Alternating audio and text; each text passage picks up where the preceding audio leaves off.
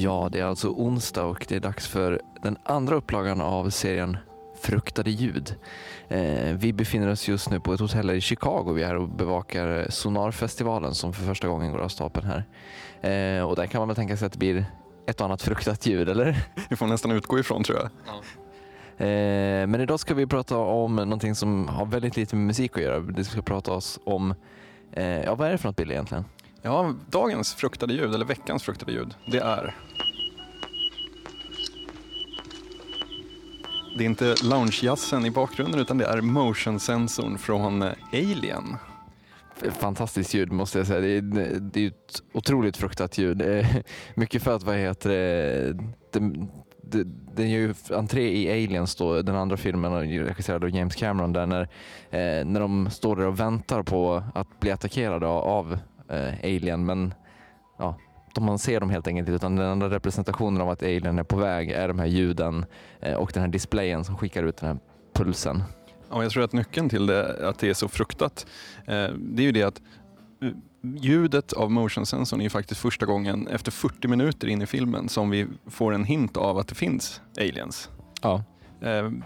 Det är, vi ser dem inte, vi har ännu bara Ripleys hearsay om att det finns något väldigt hemskt där. Och sen kommer det här pipet då och man, man får liksom förstå att de närmar sig utan att man ser dem. Ja, och sen alltså just den, också, just den grejen att i tvåan så är det flera aliens. Eh, och det visste ju inte publiken när, när filmen kom. Trots att den heter Aliens. Men så, ja, man hade ju inte kunnat föreställa sig.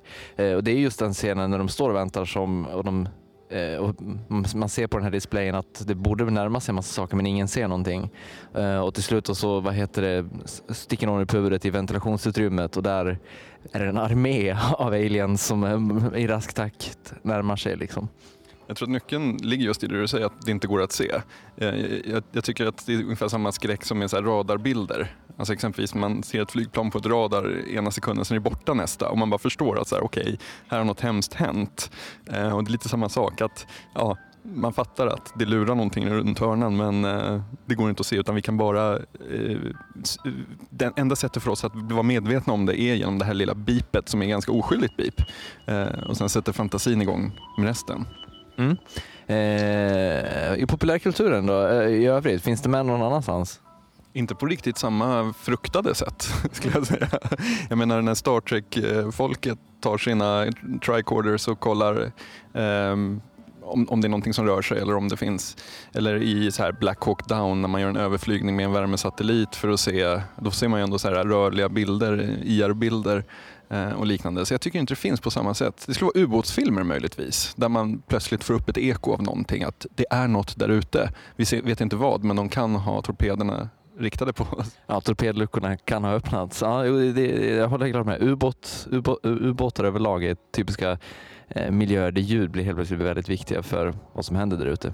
Ubåtar är kanske någonting vi får återkomma till i fruktade ljud, för det finns ju många fruktade ljud nere i, i haven. Det är mycket möjligt. Men eh, det är slut för eh, idag och vi ses på fredag som vanligt med den långa podcasten. Tack så mycket. Hej då.